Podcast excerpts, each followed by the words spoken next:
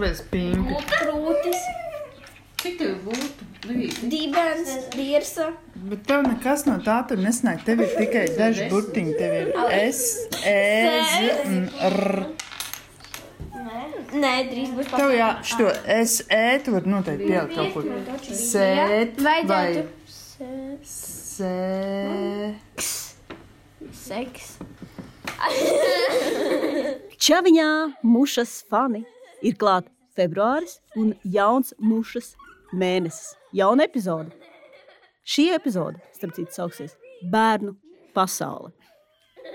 Vēl joprojām. Kas sovieti sanāk? Pimpis, pimpis, um, vulgāris, vīriešu dzīvo loceklis, uh, seksuāli ļoti aktīvs. Kad mēs sākām veidot šo podkāstu, labi, man jāatzīstās, protams, ka mēs domājām, ka tas būs kaut kas ģeniāls. Jo mēs zinājām, ka Latvijā to neviens nav uzņēmies darīt. Un stāstu, ko izstāstīt, nu, vismaz mūsu draugu lokā bija ļoti, ļoti daudz. Bet mēs tiešām negaidījām, ka jūsu būs tik daudz. Un īpaši sveiciens tiem, kas desmito epizodu klausās pirmo. Un es jau zinu, ka jūs aiziesiet druskuļi uz atpakaļ uz iepriekšējo epizodi, un, starp citu, iepriekšējā ir vienkārši brīnišķīga. Un pēc tam sāksiet klausīties no pirmās un uz priekšu. Uh, jums priekšā ir brīnišķīgs ceļojums, bet mums priekšā ir vēl brīnišķīgāks ceļojums. Ne tikai šis desmitais podkāsts, bet arī vēl uz priekšu daudz, daudz citu stāstu, kas mums ir jau ierakstīti, ko mēs ierakstījām rudenī. Daži tādi, ko mēs esam ierakstījuši pie mums studijā. Es zinu, daudz no jums mums atsūta stāstus un saka, ka nav gatavi viņus izstāstīt. Un viens stāsts uh, patiešām mūs uh, nesen ļoti stipri uzrunāja, jo viņš bija patiešām personisks un īsts. Un, un tas, ko sūtītāja atzina, ir, ka viņu uzrakstīt un pastāstīt kādam šķiet atbrīvojoši. Un tā ir tā lieta ar stāstiem. Mēs viņus izstāstām saviem tuvākajiem, saviem draugiem. Un tikai tas, ka tu saliec kaut kādus sāpīgus, un varbūt problemātiskus, un grūtus, vai varbūt jautrus notikumus stāstījumā, narratīvā, tas palīdz kaut kādām lietām savā dzīvē nodīlot labāk nekā tad, ja tu to turi iekšā. Tā kā ja jums ir stāsts azotē, jums ir jādara trīs nozīmīgas lietas. Pirmā, atsūtiet mums ziņu. Vai nu Instagram, vai arī Gmailā uz podkāstu mūža gmail.com. Vienkārši atsūtiet savu stāstu ideju.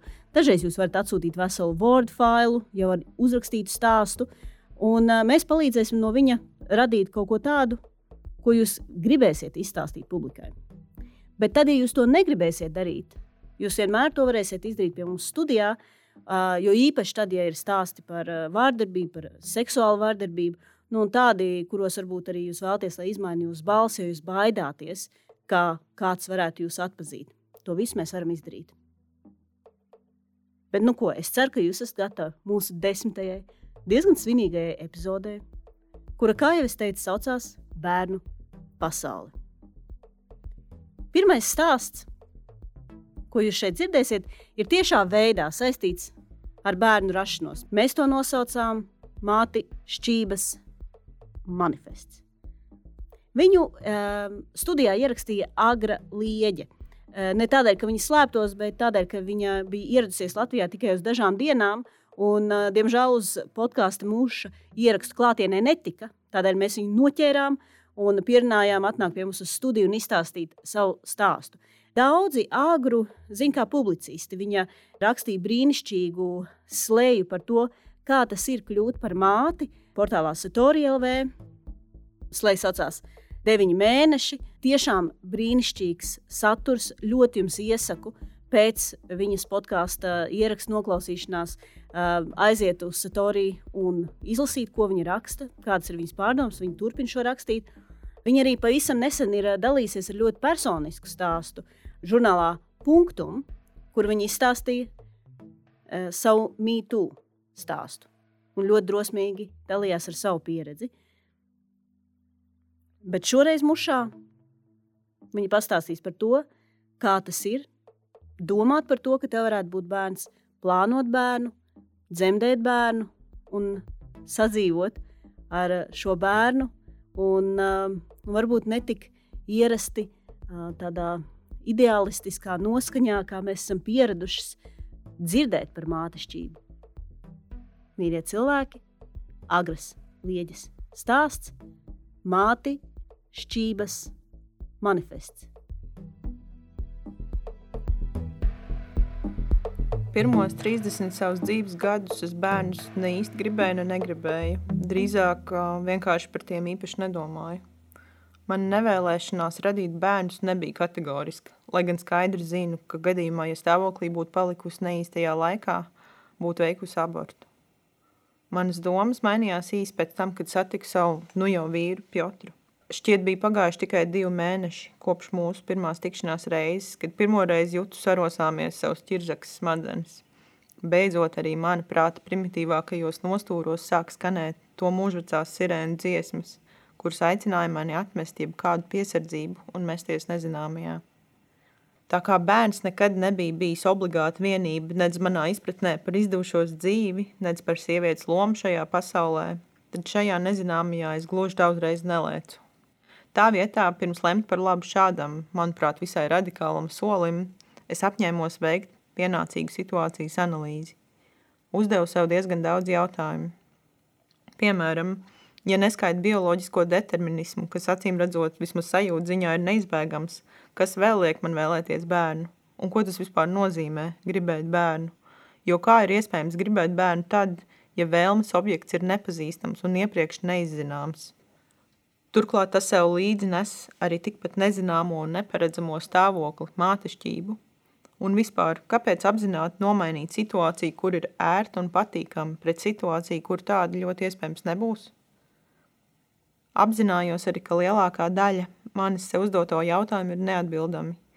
Tā vairāk bija tāda skrāpēšanās un cenšanās ielūrētais sidraba šķidraut, kurš tā pa īstam pavērsies tikai tad, kad neatgriezeniskais jau būs noticis. Tādā ziņā šīs pārdomas bija diezgan naivas, lai gan vēl naivāk man šķita nepārdomāt sekošana instinktiem vien. Tajā pašā laikā bija arī pavisam praktiski un eksistenciāli apsvērumi, kurus savukārt man bija visas iespējas laikus aktualizēt. Piemēram, man absolūti neapspriežam šķita izvēle par labu modelim, kuru varētu dēvēt par 50 uz 50, jeb bērnkopības pienākumu līdzvērtīgai dalīšanai ar savu vīru, bērnu tēvu. Tā kā abi jau toreiz, vēl pirms pandēmijas sākšanās, strādājām no mājām un abiem bija salīdzinoši elastīgs darba laiks un nosacījumi, vienojāmies, ka tas ir iespējams un ka tā arī darīsim. Man bija ārkārtīgi būtiski turpināt strādāt. Jau iepriekš zināju, ka ar mātes lomas pildīšanu vien man nebūs gana arī pirmajā bērnu dzīves gadā. Šīs ar nodarbinātību saistītais jautājums man lika arī daudz domāt par sistemātisko nevienlīdzību starp vīriešiem un sievietēm – kuru bērnu uzrašanās šķiet desmitkāršo. Nesen pabeidzu lasīt Elienas Gleizeres grāmatu Motherhood a Manifesto, kurā pavīdēja ģeniālā frāze Mātišķība ir feminismu līdz galam nepadarītais darbiņš, un es tam no sirds piekrītu.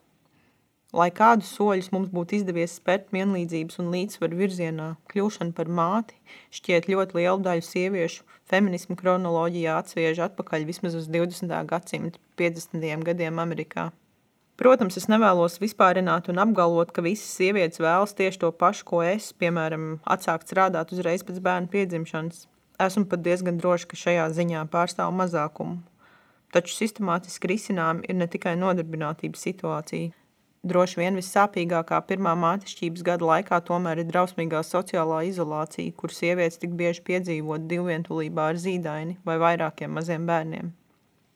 Zināju, ka šādā situācijā nemūžam nevēlos nonākt, tāpēc šķita būtiski, ka neatkarīgi no tā, kādās proporcijās dalīsim bērnkopībai paredzēto laiku, praktiski vienmēr būsim mājās visi kopā trietā.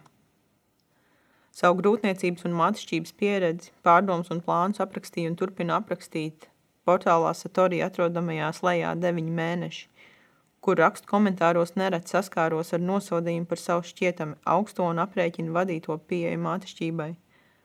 Lai gan apzinos, ka negatīvos komentārus visbiežāk motivē trūla inerce un patriarhijas iekrāsot nespēja pieņemt to, ka mans privātais liktenis varētu nebūt mīlēt un ciest – Tie man gan sāpināja, gan mulsināja. Jo tad rūpīga gatavošanās un rēķināšanās gan ar savām vajadzībām, gan iekšējiem resursiem nav optimāla pieeja ģimenes plānošanai? Tiku dēvēta par egoistisku, tikai uz panākumiem vērstu sievieti, kam bērns ir tikai tāds projektiņš pa vidu, dienas svarīgajiem darbiem. Tajā pašā laikā saņēmu ļoti daudz vēstuļu no sievietēm, mātēm, kuras bija pateicīgas par šo tēmu aktualizēšanu un atzinās gan līdzīgās un pat identiskās sajūtās, gan atvieglojumā, ka par tām acīm redzot tomēr drīkst runāt. Drīkst, protams, bet jārēķinās, ka ne visi ir gatavi šīs atzīšanās pieņemt, jo sievietei taču vajadzētu savu slogu nest ar pateicību un smaidu sejā, vai ne? Stāvoklī palika apmēram pēc gada.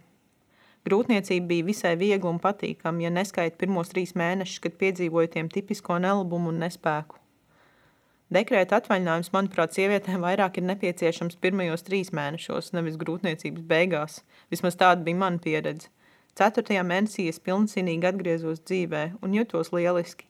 Jau diezgan agri pieņēmu lēmumu par labu maidzemdībām – bija gatava mājas darbam, ko vēlme dzemdēt mājās sevi ietvēra, un bija ļoti negatīvi noskaņota pret to, kas, manuprāt, dzemdējošo sievieti sagaida stacionāra apstākļos.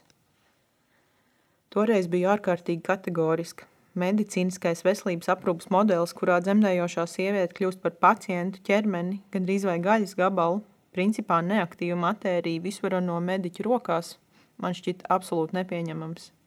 Maidzemdību ideja piesaistīja galvenokārt ar iespēju saglabāt autonomiju un būt par aktīvu dzemdību dalībnieci, nevis dzemdējošu ķermeni, ar kuru lietas tikai notiek. Tagad esmu jau nedaudz prātīgāka. Šobrīd, prātojot par dzemniecību, esmu sākus ņemt vērā nianses un kontekstu. Es apzinos, ka ir iespējams arī pozitīvas stacionāra dzemdības, un problēmas saskatu vairs ne tikai izteikti medicīniskā, bet arī pārpasaulīgu dabiskumu sludināšā pasaules redzējumā – Jau toreiz problemātiski šķita mājdzemdību kustību apvīsī ezotērika, taču to man veiksmīgi izdevās ignorēt. Es necerēju uz brīnumainām atklāsmēm, orgasmu dzemdību laikā vai maģisku atvēršanos, bet rūpīgi gatavojos tieši fiziskajam procesam. Es ievēroju ieteikto diētu, nodarbojos ar jogu, apguvu elpošanas mehānismus un galvenais, pats galvenais, ko var no sirds ieteikt tik vienai sievietei, kur plāno vaginālas dzemdības – Es uzstāju, lai mans vīrs pēdējos grūtniecības mēnešos katru otro vakaru man veids starpenes masāžu. Šo masāžu uzdevums bija iestiept starpenes muskuļus, lai izvairītos no plīsumiem un epiziotomijas dzemdību laikā. Starp citu, kāds nezina, kas tā tāda ir, googlējot labāk nevērt vaļā attēlu sadaļu. Un var teikt, ka tas bija vērtīgākais no visiem iegūmiem. Dzemdības bija ātras un vieglas, šķit, ka ieguldītās pūles atmaksājušās un darbiņš paveikts godam – Klāt bija vecmāte, dūla un dzemdību fotogrāfi, kur notikušo iemūžināja patiešām brīnišķīgās fotogrāfijās, un arī mans vīrs, kurš dzemdību laikā mums visām pagatavoja vakariņas. Atceros, ka neilgi pēc tam, kad mans tikko dzimšais dēls jau bija aizmidzis, sēdēju ar visiem kopā pie galda un ēdu. Sajūta bija sirreāla. Turpmākās pāris dienas pagāja kā miglā, un pārmaiņas piedzīvoja gan apjukumu, gan šausmas, smagas raudāšanas lēkmes un nožēlu. Šķita, ka man dzīve ir beigusies. Drīz vien sapratu, ka nekas no tā, kas man iepriekš šķita, esam iekļauts maidzemdības solījumā. Mierīgs pēcdzemdību posms pazīstamā vidē, āda-ādu kontaktu veicināts veiksmīgs grūtsbarošanas process, vieglāka atklimatizēšanās.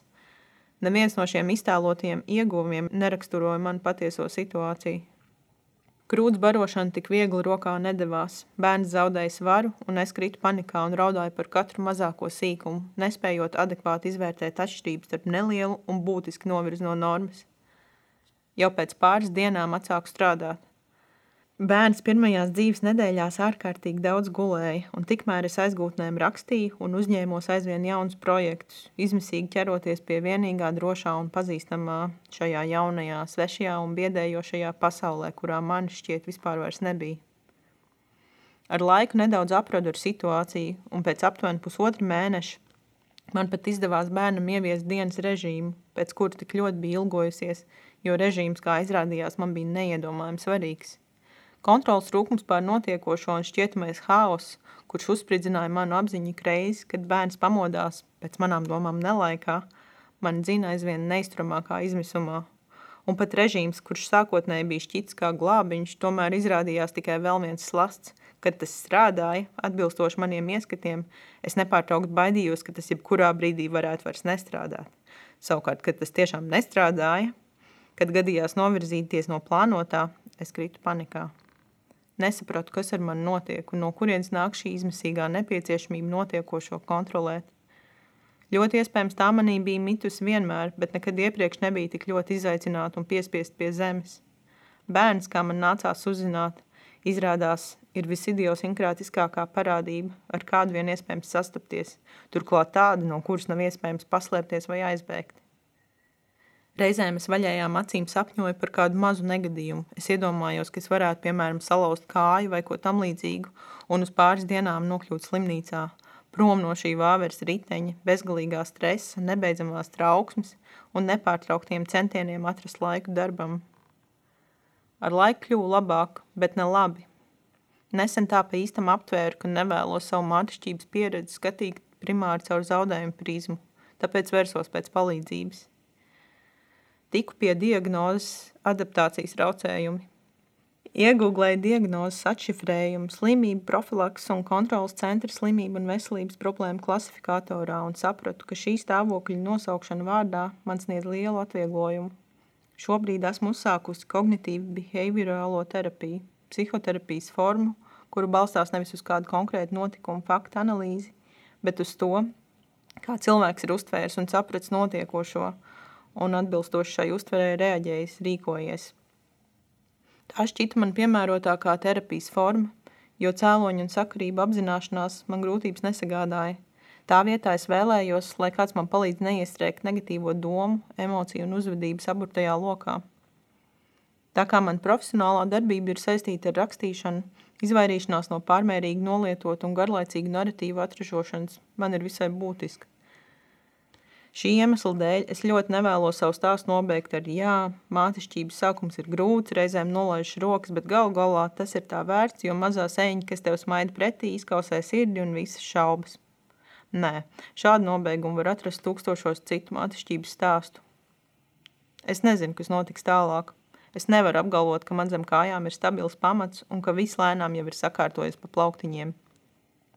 Reizēm ir grūti saprast – vai problēma ir eksistenciāla un neatrisināma, vai arī tā ir vienkārši un praktisks risinājums. Vai auklītes iesaistīšana mūsu ikdienas dzīvē samazinās spriedzi, kur jūtu tad, kad pietrūks laika darbam? Iespējams. Bet tikpat reāli šobrīd šķiet iespējamība, ka šī vienkārši ir fundamentāla mātišķības iezīme. Tev nekad vairs nebūs laika, tu vienmēr tiksi raustīt uz visām pusēm, gan ārēji, gan iekšēji.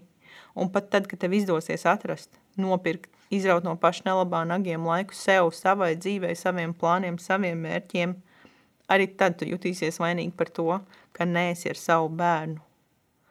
Viss, par ko iepriekš baidījos, ir piepildījies. Bailes no mātišķības un visa, ko tā sev līdzi atnes, nav nepamatotas. Tās ir ārkārtīgi pamatotas. Radīt bērnu nejauši, neskatoties ne uz ko ar cerību, gan jau viss būs ok, manuprāt, ir neprātīgi un bezatbildīgi. Mans ieteikums ikvienai sievietei, kur domā par bērnu radīšanu, ir nepaļauties uz to, ka viss būs ok, neiekrist labskanīgi novecojuši un mizogīnu vispārinājums kavās, kura realitātē ir tikai tukša skaņa. Un rūpīgi izsvērt savus resursus un vajadzības, saprast, bez kā savā dzīvē nespēja iztikt. Es centos radīt un nodrošināt sev apstākļus, kuros spētu mātišķību ne tikai izdzīvot, bet arī izbaudīt. Bet tik un tā ir grūti, tik un tā katru dienu ir sevi jālauž. Mūsu ķirzakas smadzenes kliedz pēc turpinājuma, kur sapņaino vizualizāciju piedāvā katra otrā romantiskā filma, veļas pulvera reklāma vai Instagram konts. Un tomēr, to var darīt, bet var to arī nedarīt. Ja izvēlēsies to darīt, sev visticamāk nāksies laust kaut kādā iepriekš neparedzamā veidā. Roka tā vien trīs piekabināt pēdējo teikumu par mazo smaidošo vai aizmigušo seiņu. Un tā, protams, tepat vien ir, un tā ir brīnišķīga bet laimīgs nobeigums nevienam nepalīdzēs. Tas laikam bija Tolstojs, kurš teica, ka laime vienmēr izskatās vienādi, bet nelaime katram izpaužas pa savam.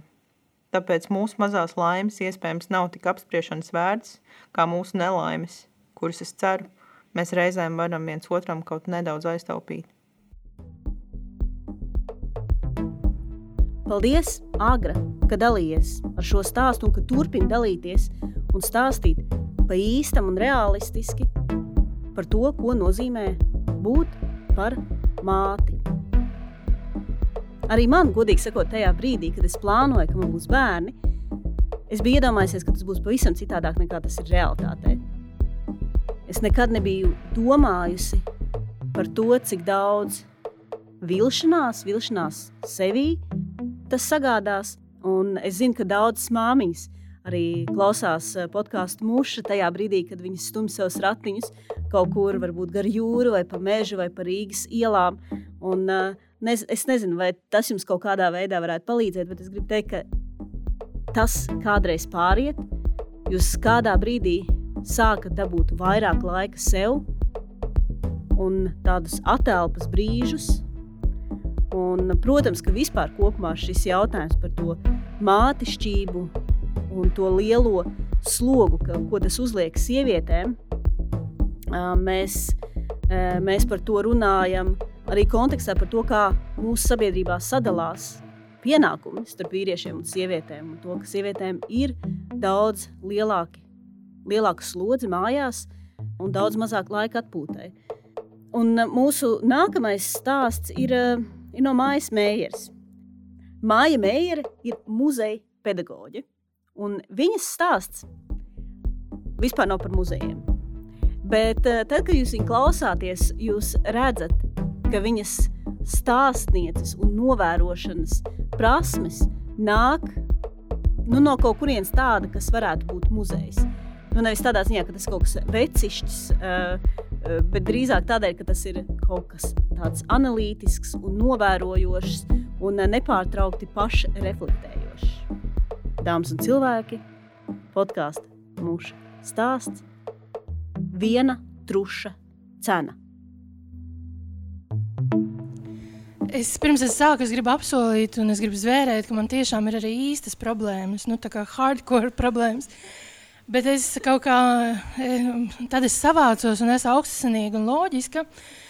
Bet eh, tad, kad ir mazas problēmas, tad es ļaujos histērijai. Un, eh, nu jā, un tad es, es atļaušos lasīt, jo manī mazliet ir tāda šveika gēns, kad viens stāsts aizved pie nākamā, un tad vēl nākamā, un tad es aizmirsu vispār, ar ko es sāku, un tāpēc es vienmēr rakstu, lai neaizplūstu. Nu, lūk, un tātad es sāku. Mēs ar vīru neesam dzimuši, auguši rīdznieku. Es esmu Rīgā nu jau septiņas gadus dzīvojusi Liepainiece, vīrs aizputnieks. Tikai meita šī, meitai šī ir dzimtā pilsēta. Gadi iet, bet mēs vēl joprojām esam savas ideālās mājvietas meklējumos. Rīga ir mana betlēme. Līdzīgi kā Marija un Jāzeps, arī mēs tobrīd, tikai, tobrīd tikai ar tūpošo vīru Rīgā iebraucām Ziemassvētku laikā. Arī man zem sirds bija mazulis, kurš gan piedzima augustā, nevis Ziemassvētku naktī. Arī mūsu naktsmājas tokars mažoja pēc svaiga siena. Nē, mēs neapmetāmies kūtiņā. Rīgā bijām ieradušies ar mūsu mīluli trusi. Par to, ka zvēriņš pa ceļam nenomira no bailēm, pacienājām viņu ar svaigu sienu. Atrast mājokli, kura izīrētājs nebrīnītos par mūsu savādo mājdzīvnieku izvēli, bija izaicinājums. Piemēram, pirmskar mājā dzīvojošs trimdes latvietis jau tā neusticīgi vēroja mana vīra jauneklīgo seju, prātodams, vai tiešām šis jaunēklis spējas samaksāt īres maksu. Kad pateicām, ka ievāksimies ar trusi, trimdinieks manām satraucās un sāka pie sevis nervozi murmināt. Ar trusi, ar trusi. Cik liels ir tas trusis?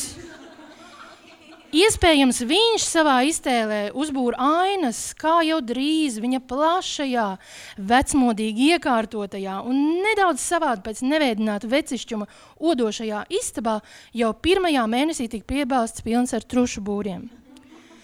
Par mūsu pirmajām mājām kļuva īres dzīvoklis uz ātru roku uzbūvētā un drusku jau noplukušā jaunajā projektā. Ūdenim šeit bija īpatnējs smaka, pa logu, pa milzu logiem salmus cepināja kā desiņus uz grila.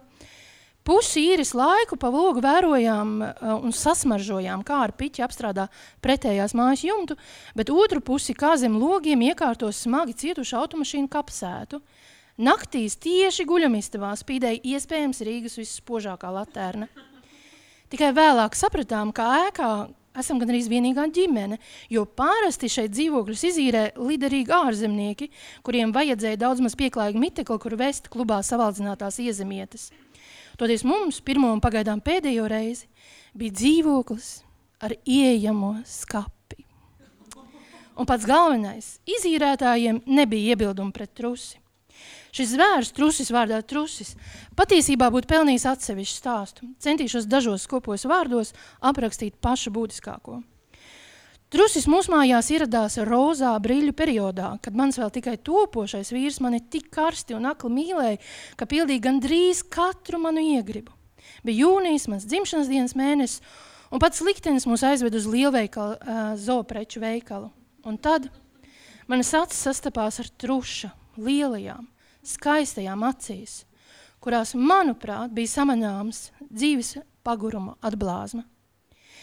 Īsās sarunas laikā ar pārdevēju noskaidrojās, ka trusis lielveikala mazajā šaurajā stikla kastē, kur knapi pietika vietas izstaipīt ķepiņas, dzīvo jau gadu. Gadu!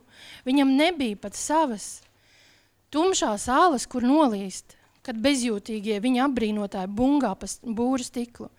Jau gadu neviena kaprīza bērna neiekārots, viņš bija eksistējis šajā stikla cietumā.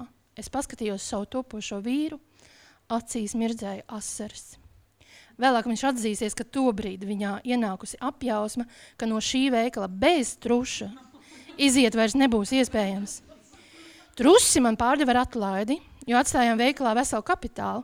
Bija jānopērk lielākais no pieejamajiem būriem, milzīgā paka ar pakaišiem, vairāki iepakojumi siena, dzeramā ūdens pudelīte, vitamīni. Manu apņēmību izglābt zvērim neapturēja pat tas, ka pārdevēju viņi nevarēja izņemt no šaurā, bet tik ierastā stikla nama. Trusis rūca un draudēja kost.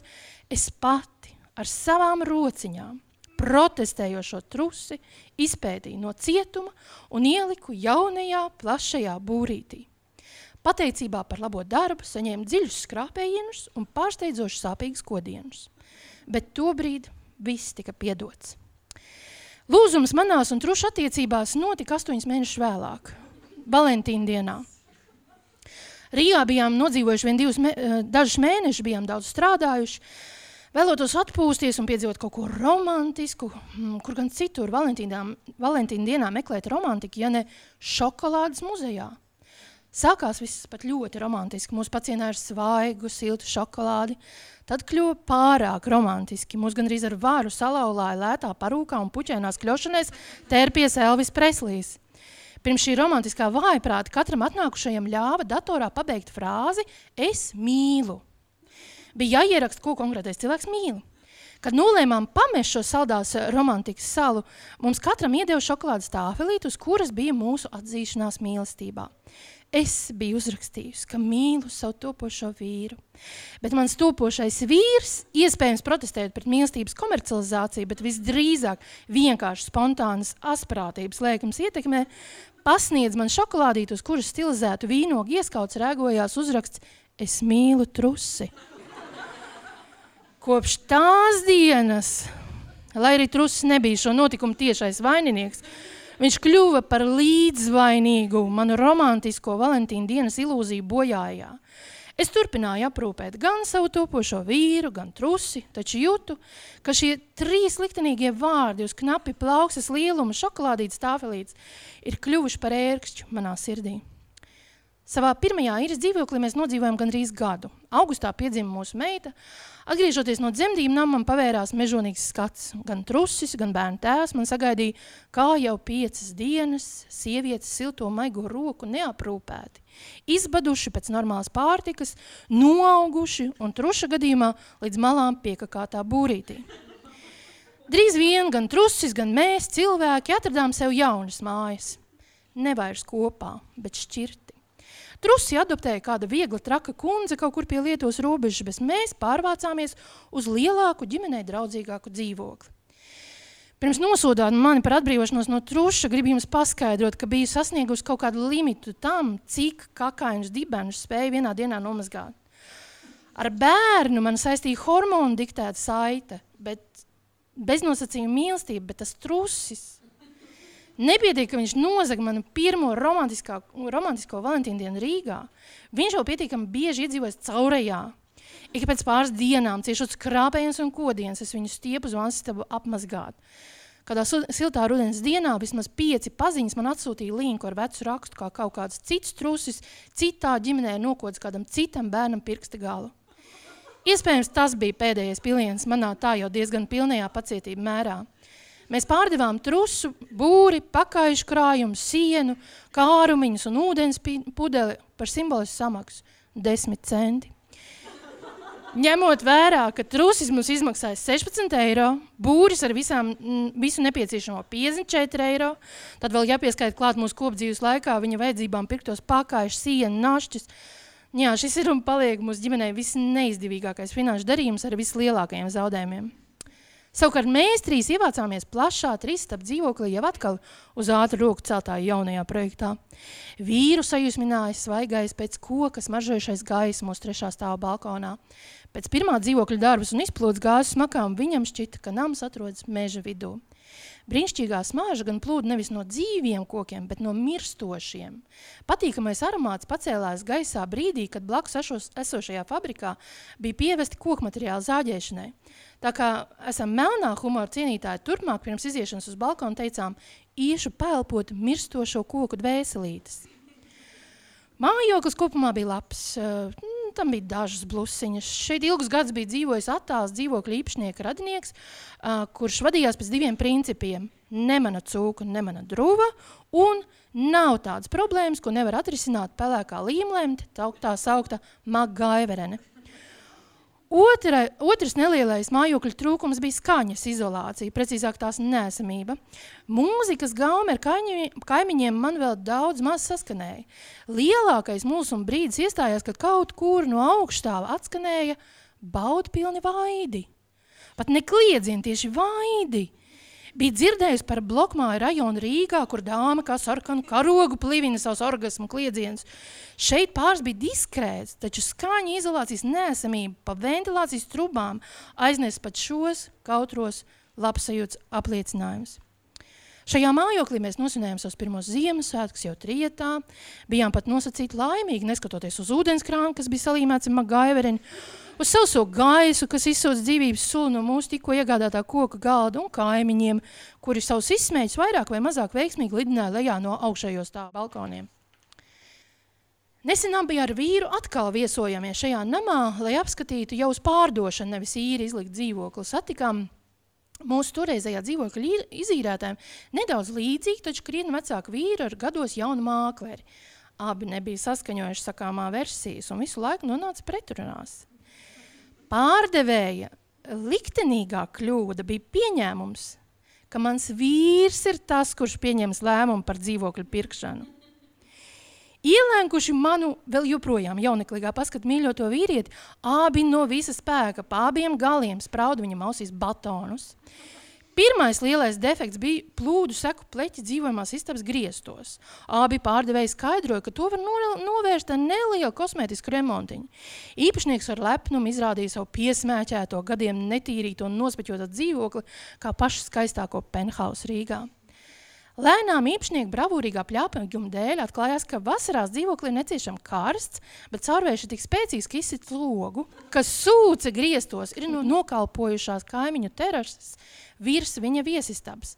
Pamanījām, ka gan pašā dzīvoklī, gan visā ēkā parādījušās plaisas, ka vīra pati iekārojamākā lieta pazemes stāvvieta nav kopta kopš ēkas uzcelšanas brīža, un to var izmantot pat kādu šausmu filmas uzņemšanas laukumu. Vīru vēl kādu stundu nācās pārliecināt, ka šis nams vairs nav mūsu laimes saliņa. Man pašai viss bija skaidrs jau pirmajā minūtē, kad savot garderobē iekārto ādas jaku smārdu. Tajās bija sasūkušies visi nesētāji netikumi, bet jo īpaši nikotīns. Un virs tām es pamanīju šīs mājas vīriešu tik iemīļoto magaivereni. Šoreiz ar to nebija salīmēts ūdenskrāns. No, tā bija, no tās bija izveidot tāda kā somiņa rūterim. Aparātiņš bezpalīdz, bezpalīdzīgi karājās gaisā kā karātavu putns. Toreiz, pirms pieciem gadiem īrētajā dzīvoklī tādas aplamības nenovērojam. Mūsu meita auga, mācījās rāpot, sēdēt, celties kājās. Mēs bijām ļoti laimīgi. Tomēr, jo laimīgāk kļuva mūsu ģimene, jo nelaimīgāk tapa dzīvokļa īpašnieka daudz bērnu ģimene. Apmēram ap to laiku, kad bija, bijis, būtu bijis jāsvin mūsu pirmā randiņa gada dienu, dzīvokļa īpašnieks paziņoja, ka sastrīdējies ar savu jaunapņēmto sievu, plāno šķirties un pārvākties atpakaļ uz Latviju ar visiem bērniem, un ka viņš uzsaka mūsu īres līgumu. Citas ģimenes nesaskaņa dēļ um, mūsu trijotnē nācās atkal pakot, var teikt, tikko izpakotās mantas, tīt papīra, papīrā krūzītes, likt visas mūsu drēbes gūtas veļu milzīgajos grūžu maisos un plānot, kā, ko vedīsim pašu, bet ko, kam jāalgo krāvēji. Šī pusotra gada laikā bija kļuvusi par nedaudz gudrāku liepainieci Rīgā. Piemēram, abās mūsu līdzinājās mājvietās nebija bijusi manām tā jau pieticīgajām kulinārijas ambīcijām piemērotas virtuves. Pirmajā dzīvoklī ar vārdu virtuve sa saprata vientuļu sālu apmēram 2 metru platumā.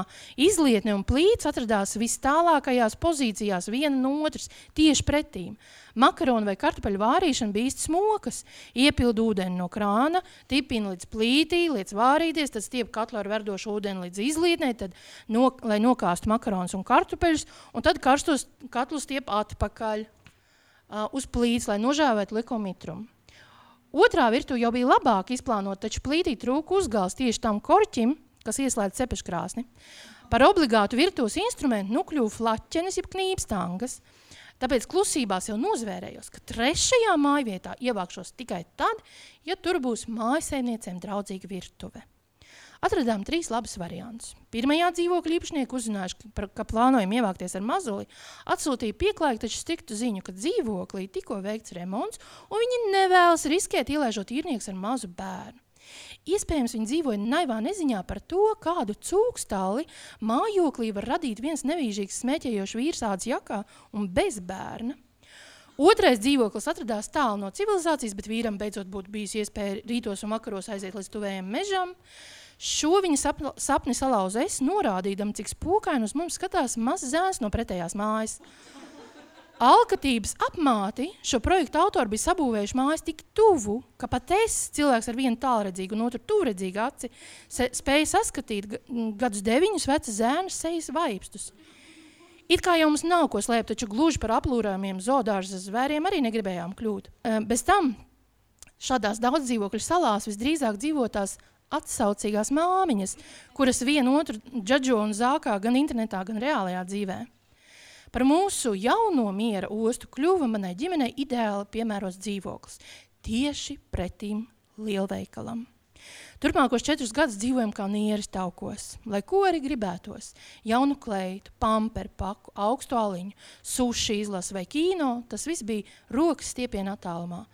Virtuve ne tikai bija katras mājasēmnieces sapnis, tajā bija arī līdz šim nepiedzīvot laime, trauku mazgājumā mašīna. Es atsāku strādāt, arī tramvaju, autobusu, trolejbusu pieturas bija rokas stiepiena attālumā. Laiku, ko bija jāpavada sabiedriskajā transportā, izbaudīju, jo beidzot bija brīvs laiks grāmatām vai Rīgas laikam. Dzīve pārvērtās par laisku mietpilsoņa sapni. Vienīgais trūkums šajā dzīvesvietā bija skats pa logu. Tas bija ļoti labs, vasarās zaļš, ziemās balts, taču siltajā sezonā to bojāja dažādi dzērumu pakāpju, dzīves pabērnu, bieži rīkotie pikniki. Tomēr arī šie ļaudis spēja izbojāt tikai vienu dienu manā idilē. Todien pārsteidzošā kārtā uz salauzta aprakstītā soliņa degradētajā skvēriņā atpūtās trīs iedzērušas dāmas, bez noteikts dzīvesvietas un nodarbošanās. Sievietes uzvedās skaļāk, kā parastie soliņa izmantotāji likteņi, smagi sistie vīrieši. Pasākuma kulminācija bija miesās visbūdīgākās dāmas, dabisko vajadzību nokārtošana visretāk saugušajos ceriņos, kuru šķidri izvietotie zari neko no notiekošā ne piesedz, ne noslēp. Varbūt vajadzēja pārcelties jau to vasaru. Bērns un lielveikalā nopirkto nieku apjoms strauji auga. Sāka pietrūkt stūru, kurā kaut ko novietot, lai nemaisās pa kājām bet tas lielveikals un ērtā loģistika turēja mūs savā toksiskajā gūstā. Un tad pienāca garās lieldienu brīvdienas. Nolēmām uz vairākām dienām aizbraukt apciemot mūsu lauku radus. Brīnišķīgi pavadījām laiku, nesteidzīgi atvadījāmies. Jau esot atpakaļ Rīgā, nolēmām vēl iebraukt lielveikalā, jo leduskapis bija izēs tukšs. Ar smagiem iepirkumu maisiem un ceļojumu somām lēni atslēdzām durvis. Vīrs iegāja istabā un apjutis jautāja, kas te noticis? Kaut kas bija savādāk, bet viņš jau nespēja aptvert, kas. Es biju pirmā, kas salika 2 plus 2. Uz manas ideālās virtuves grīdas mētājas liels akmens un stikla lausks. Bija nokritušas virtuves žalūzijas. Es pārsteidzoši mierīgi vīram paskaidroju, mēs esam apzakti. Jutos apjukusi, mēģināju saprast, kas tieši ir paņemts. Vairākas reizes esmu piedzīvojis, cik tas ir pretīgi, ja tevi apgrābst sveši vai pazīstami ierēbuši vīrieši bez tavas piekrišanas. Šī sajūta, ka kāds ir apgrābstījis manas, mana bērna un vīra mantas, bija vismaz tik pretīgi, ja ne vēl pretīgāk, nebija kur aizmukt. Bija jau vakars, bet loga stiklā rēgojas milzīgs caurums, vai zagļi nāks apakaļ. Nevienam no mums nebija bijusi šāda pieredze. Līdz šim man dziļā bērnībā bija nozagts maciņš ar rubli 30, bet vīra dzimtajā pusē kāds vienmēr uzlauza un apzaga šķūnīši. Izsaucām policiju, ieradās apaļšomalīgs policists un gados vecāk. Ja tic sejas izteiksmē, tad dzīvē visādas šausmas redzējis policisti. Pēc brīža tika izsaukts arī Latvijas CSI ekvivalents. Sirms kungs ar palielu portfeli, gumijas cimdiem un, un lupu un otiņu, kas atgādināja pūderslotiņu. Brīdi darbojušies un izteikuši komentārus, ka neesam vienīgie svētku brīvdienās apzaktie šī policijas iecirkņa aprūpē esošie iedzīvotāji. Policisti paziņoja, ka nelieši strādājuši cimdos – bet uz virtuves grīdas ir atrasts mats. Pāris dienas vēlāk mums bija jāierodas policijas iecirknī pie izmeklētājas X.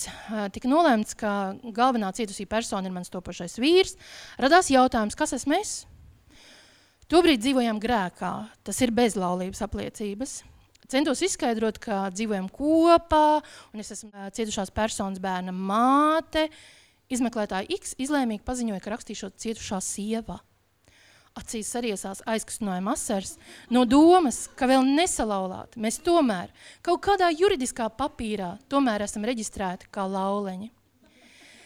Nācās uh, uzskaitīt un iespēja robežās uh, sarūpēt attēlus tam, ko mums nozaga. Man vislielākos sirdēstus radīja man topošā vīra no Japānas atvestā pērle. Jau kopš bērnības bija apburta ar Japānas pērlēm un drosmīgajām nirējām, pērļu zvejniencēm. Kad vīrs ar kolēģi viesojās Japānā, viņš bija iegājis iespējams visdārgāko pērļu tirgotavā un izvēlējies manam priekam vislētāko rotu. Smalkā ķēdītē iekārtu pērli. Tikai lidostā viņš bija aptvērs, ka iespējams viņa topošajai latviešu sievai kakls nebūs gluži tik smalciņš kā japānietei bet pat ķēdīt, kur man knapi derēja kā čaukers, nespēja, nespēja mazināt man prieku par īsto Japāņu pērli, ko mīļotais man pasniedz pateicībā, ka bez histērijas palaidu viņu tā saucamajā veču ceļojumā, gan kā sadrināšanās dāvana. Tagad šī daile iespējams rūtāja kādu narkomānu līgaus, visdrīzāk daudz smalkāko kaklu, vai arī gozējās kāda negodīga Lombarda vitrīnā starp mums draugiem runājot, drusku priecājos par to, ka zagļi bija aizstiepuši stulbo Playstation, kura krāsainajos piedzīvojumos topošais vīrs mēdz pazust stundām. Idioti gan nebija paņēmuši līdzi visas topošā vīra konsolē paredzētās spēlītes. Pavisam nesen viņš atkal sadūšojās nopirkt to nolādēto spēļu konsoli, un es atkal esmu spiesta vakaros skatīties uz pieaugušu vīrieti, kurš pusguļus sēž īpašam nolūkam nopirktā bezgalmīgā krēslā, un ar pāris pirkstu kustībām vada skaisto dāmu mīluli un monstru biedu Vičeru vārdā Geralds. Pagāja kāds pusotrs gads, līdz uzzinājām, ka uz mūsu virtuves grīdas atrastais mats, par kuru bija cerība, ka, to, ka to atstājis laupītājs, izrādās nav cilvēku izcēlesmes. Tas ir dzīvnieka mats. Vēl līdz šim brīdim mēs prātojam, kas gan ir bijis šis zvērs, kura mats mētājas uz mūsu virtuves grīdas. Nevarētu taču būt, ka kaut kur mūsu saimniecībā vēl mētājas mūsu senā drauga truša, vārdā trusis apspalvojums. Godīgi sakot, finansiālajie zaudējumi nebija tik lieli kā emocionālā trauma. Gan es, gan bērns naktīs mocījāmies ar bezmiegu. Abas pēkšņi redzējām savu ievainojamību un jutāmies apdraudētas gan dzīvoklī, gan ārpus tā. Pāris mēnešus mēs vēl nodzīvojām šeit, taču tad sākās, sākām meklēt jaunas, plašākas un drošākas mājas. Pēdējos četros gados bijām kļuvuši nedaudz turīgāki, tāpēc pirmo reizi dzīvē devāmies apskatīt ne tikai uz īri izliktos dzīvokļus, bet arī pirkšanai pieejamos. Skaisto dzīvokļu sakairināt, mēs ar vīru saskārāmies ar vēl nebijušām mūsu psihiskas īpatnībām. Vīram bija parādījies princips, vai es šajā dzīvoklī savās acīs izskatīšos pēc veiksminieka. Lai tas tā būtu, vīra prāt pa logu bija jāredz Daugava. Savukārt mani vajāja uzmācīga doma, vai šeit es varēšu uzņemt kultūrāls viesus un rīkot kaut ko līdzīgu salonu vakaram. Pēc zādzības, eh, meklējot jaunas, drošākas mājas, nebijām gatavi atteikties no lielveikala tuvuma, tāpēc uzmeklējām svaigu, pabeigt jaunu projektu turpat netālu. Šeit mēs satikām piemirstu cilvēku tipu. Es jau iepriekš atvainojos par šādu apzīmējumu, bet laukos mēs tādu saucam par kapeiku pisējiem. Ēkas īpašnieks sludinājumā norāda vienu cenu, taču tad izrādās, ka par nelielo noliktavu pagrabā vēl drusku jāpiemaksā. Arī ikmēš, ikmēneša rēķina apjoms bija miglātīts, kā arī tas, cik lielu daļu tajā sastādīs apsaimniekošanas maksas.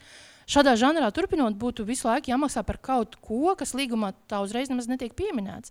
Tāpat drupačiņai vien ik mēnesi salasītos lielāku summu, kā sākotnējā vienošanās paredz. Vēl vienu šādu projektu uzgājām pavisam nesen, kad jau atkal bijām nobrieduši meklēt dzīvokli pirkšanai. Par viszemāko summu kas arī jau nav maza, cilvēks nopērk 100 kvadrātmetru īpašumu, kuru liela daļa ir vai nu balkons vai terasīte, kuru mūsu vairāk introverta spektrā esošai ģimenei ar zādzībā traumēto psihi šķistu pārāk tuvu un pārāk pieejam gan kaimiņiem, gan jebkuram gājējam. Ja vēlies nolikt tavu pagrabā vai stāvvietai šlagbaumu, bet bez nojums, maksā vēl. Ja esi dumpinieks vai nevari stāvviet atļauties, mašīna būs jātur uz ielas pieejamā maksas stāvvietā. Meklējot mūsu jaunās mājas, vīrs piespieda man aplūkot trīs dzīvokļus, pa kuru logiem viņa prāt varēja redzēt Daugavu. Man iepatikās viens no piedāvājumiem. Ironiski, tas, kur Daugavu nevarēja redzēt pa logu, jo priekšā upē atradās žoks. Mākleris solīja, ka tur kat, kuru katru brīdi demontēs. Nesen gadu pēc mākleru solījuma ar ģimeni pastaigājāmies gar Daugavu. Žoks stāvēja, kur stāvējis. Tad šajā dzīvoklī bija itāļu mēbeles, kuras mani savaldzināja ar to, ka atverot skapi, iedegas lampiņas. Teicu vīram, ka piekrītu pārvākties tikai uz mājokli ar lampiņām skapī. Bet viņš argumentēja, ka labāk tajā pašā mājā, bet augstāk, jo tad var redzēt to viņa daugavu. Es argumentēju, ka nav prāta darbs maksāt to pašu summu, ko var apakšējā stāva dzīvoklī ar itāļu mēbelēm, jo otrā stāva dzīvoklis piebāz tikai ar IKEA izstrādājumiem. Vienīgais, par ko bijām vienisprātis, dzīvoklis numur 3 ar visu Daugopalogu būtu īsti pekli. Divstāvu mājoklis savā garāžas mājā izīrēja ļaudis, kas dzīvo turpat, neliela mauriņa otrā pusē. Pēc īsas dzīvokļa apskates sapratām, ka tas būtu vēl šausmīgāk atvākties atpakaļ pie vecākiem. Dzīvokļa īpašnieki jau vien nav akli, un tādi viņi nebija lūrēt pa mūsu logiem, komentēt mūsu ikdienas gaitas un neļautu izmantot tajā pašā mājā esošo garāžu, ne mūsu mašīnai, ne ritenim. Šķita, ka ģimenes patriārhs meklē vēl kādu cilvēku, kur turēt savā smacējošā kontrolē. Paralēli šiem Daugavas skatu meklējumiem es atradu dzīvokli centrā, kurā, kā man šķita, es varētu uzņemt kulturāls viesus un rīkot kaut ko līdzīgu salonu vakariem. Savā iztēlē es sev redzēju uh, uzņemam viesus samta vai zīda peņuārā ar strausa spalvu apdari, alā morāles stilā, rokā man būtu šampanieša glāze, ne jau flautas tipa, tā otrā, ko ir iedvesmojušas Marijas Antonets krūtis. Kamēr mēs ar vīru strīdējamies, kura vīzijai par labu, par laimi būs lemts piepildīties, visus dzīvokļus izīrē vai pārdev citiem. Bijām gatavi, gatavi jau mest mieru, kad atradām trīs istabu apartamentus uz manas uh, vismīļākās ielas Rīgā. Dzīvoklis smaržoja pēc koka, tieši tā kā patīk vīram. Tajā ir senatnīgas, četras senatnīgas lustras, kā patīk man. Tam ir augsti griesti, kas patīk manam vīram. Tas atrodas pirmskara mājā, kā patīk man. Dzīvoklis atrodas sestajā stāvā. Tas patīk mums visiem. Pamanījis, ka jau atkal meklēju slēptuvi savam datoriņam, kurš nav dārgs, bet kurā glabājas viss, kas nepieciešams manam, manam darba pienākumiem, meita man mierināja. Māmu, mēs dzīvojam sestajā stāvā. Te zagļi pa logu nevar iekāpt. Arī šīm dzīvokļiem ir savas lielākas un mazākas blusas, bet aiz cieņas pret īpašnieci tās jums pastāstīšu kaut kad vēlāk, kad beigsies īres līgums. Visi trīs šeit jutāmies, jūtamies kā mājās. Mēs ar vīru pat jokojam, ka šis dzīvoklis ir izglābis mūsu laulību. Ievācāmies tajā tieši pirms ārkārtas situācijas izsludināšanas. Pēkšņi dzīvoklis vairs nebija vieta, kur pārguruši pārādāmies pēc nostrādātas dienas. Abiem ar vīru bija jāatrod klusāks stūrītis, kur izdarīt savus darbus, bet meitai, kur attālināt mācīties brīžos, kad skoliņā vairs nebija droši. Mums tas izdevās. Pandēmijas laikā mums mājās bija pārsteidzoši maz strīdi par to, ka kāds kādam traucē. Šī gada Rīgā un daudzie dzīvokļu meklējumi, gan īrēšanai, gan pirkšanai, liek no jauna pārskatīt, ko man nozīmē jēdziens mājas. Esmu sev pieķērusi, ka arī ceļojuma laikā, ka gandrīz katru dienu uh, paliekam citā viesnīcā, vīram un meitai saku, ejam mājās. Ar to es tobrīd domāju viesnīcu. Esmu sapratusi, ka jau vairākus gadus manas mājas nav viena nemainīga vieta. Manas mājas tie esam mēs trīs – es, vīrs un meita. Un ar viņiem kopā es vienmēr esmu mājās. Paldies!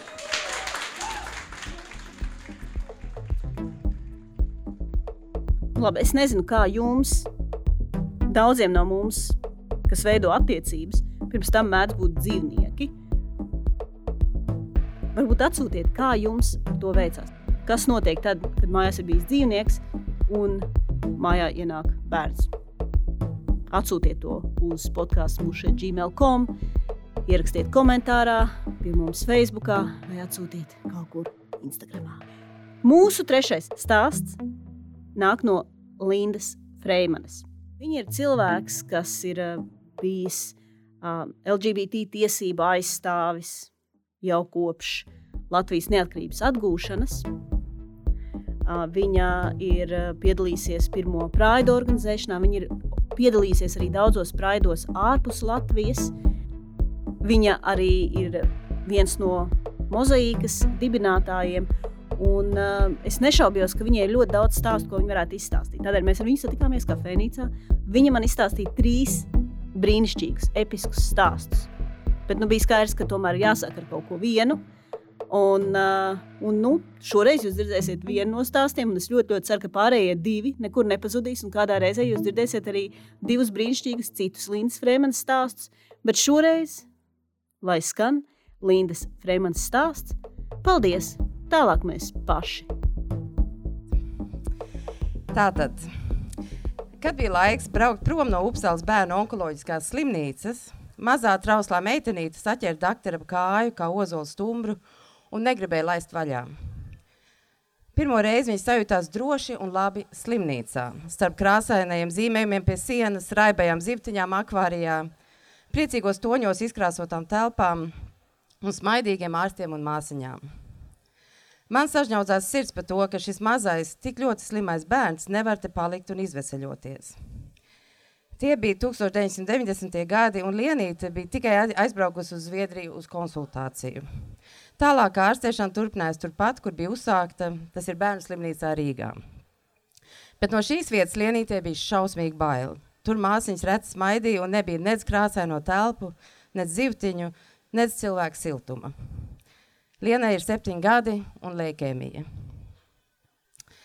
Serbijas galvaspilsētā Belgradas centrs ir izmiris. Gaisā riņķo armijas helikopteri, tālumā tukšo ielu galos redz militāro policiju pilnā mundierī.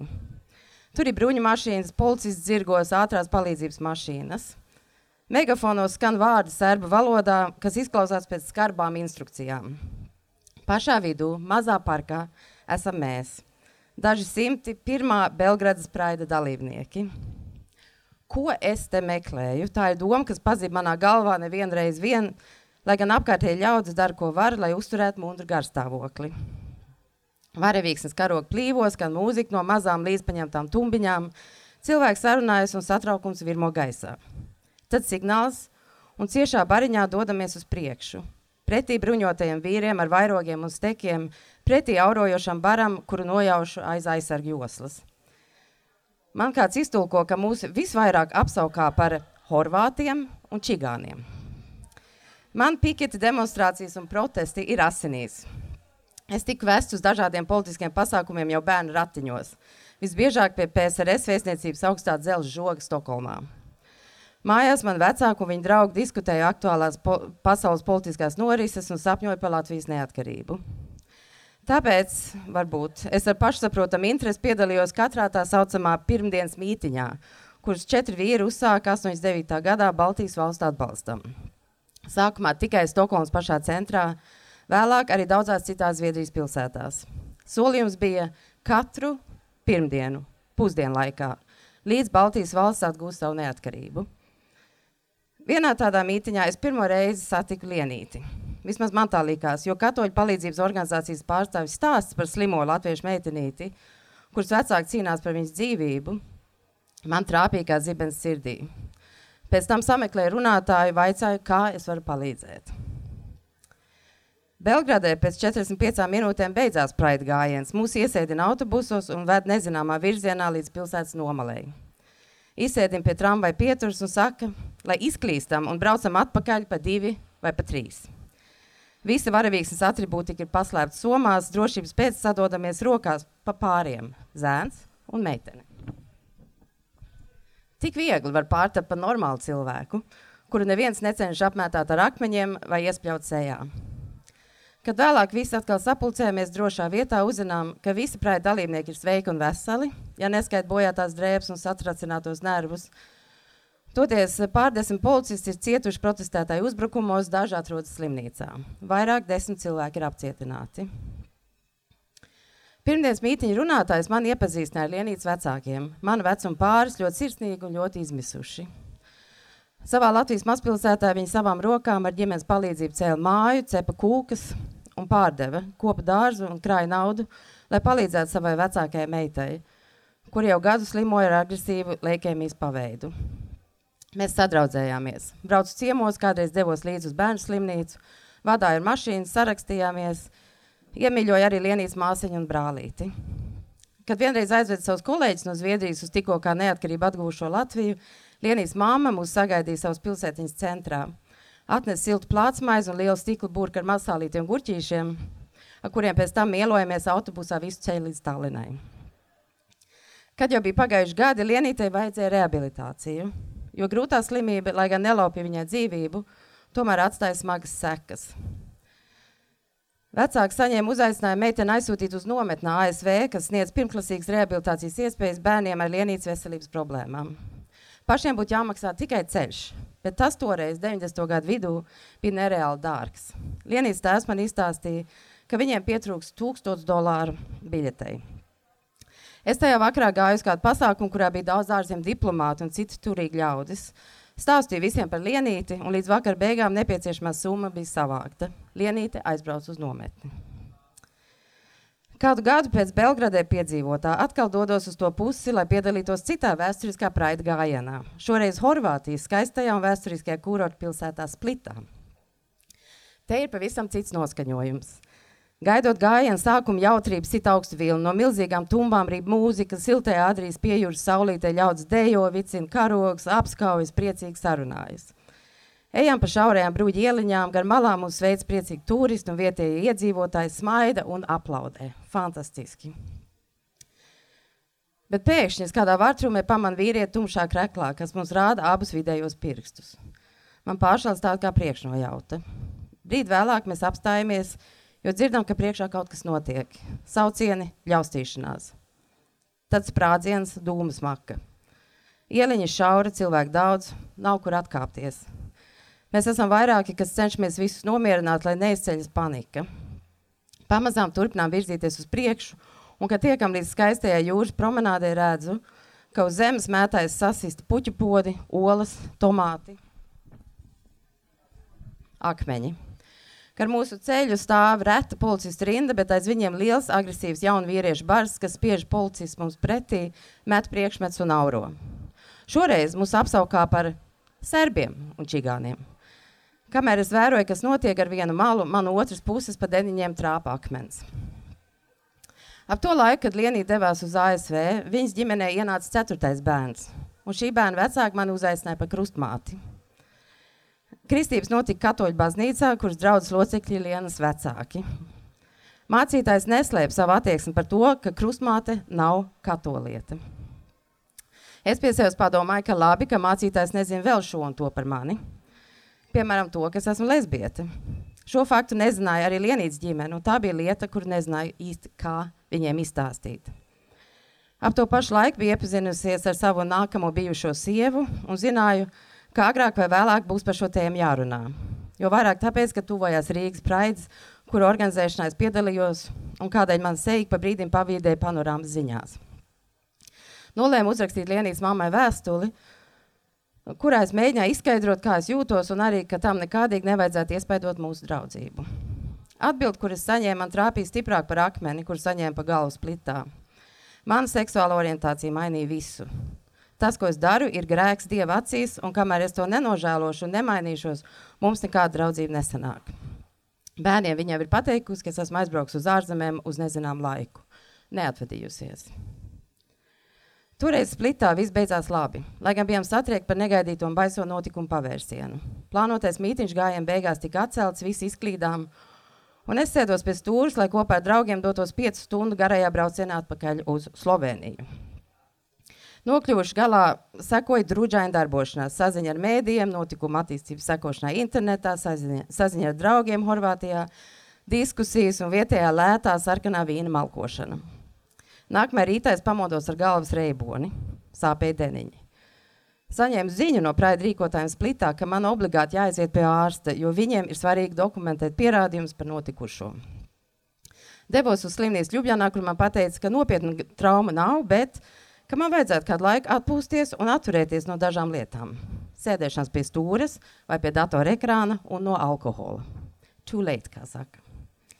Nākamajā dienā es kāpu lidmašīnā uz Rīgu. Samiegojusies ar sāpošu galvu, bez grīma un ar kapucu uz galvas plānoju dažas stundas pagulēt. Pēkšņi jūtu, ka pie manas tuvu pieliecās Air Baltica stewardese. Viņai ir sārti vaigi, un viņa satrauk man čukst. Paldies par visu, ko jūs darat! Tas man nozīmē ļoti daudz. Cilvēki tiešām ir dažādi. Paldies, Linda, ka dalījies ar šo stāstu. Un, um, viņā tā īpašā lieta ir tā, ka mēs domājam, ka homofobija ir kaut kas tāds, kaut kādi trakie, kas Twitterī vai Facebookā raksta kaut kādas briesmu lietas, uh, rupekļi, cilvēki, kas ir dusmīgi vai nelaimīgi. Bet patiesībā jau tā homofobija, ar ko mēs ikdienā saskaramies, patiesībā ir daudz ikdienišķāka. Un tiešām ir arī kaut kādas attiecības, kas nevar turpināties. Draudzības, kolēģiālas attiecības, attiecības starp paziņām, tikai tādēļ, ka starp tevi un to otru cilvēku nostājas homofobija. Nu ko, mūsu desmitā epizode nu ir galā. Es ļoti ceru, ka jūs noklausījāties arī šo epizodu un domājāt par to, kādus stāstus jūs mums varētu atsūtīt. Mēs būsim priecīgi tos dzirdēt, pat tad, ja īstenībā jūs viņus nevēlaties nemaz nevienam publiski izstāstīt, bet uh, mēs apsolāmies jūsu noslēpumus glabāt kā pašus dārgākos briljantus. Šī bija mušas desmitā epizode – bērnu pasauli. Tagad galvenais, jā, jūs laikojiet un šērojiet. Podkāstu muša veidoju es, Džēma Sudraba, Mārta Herce, Agata Mežula, Alisa Krauja, Monta Kaiva un Kerija Broka. Bučiņās!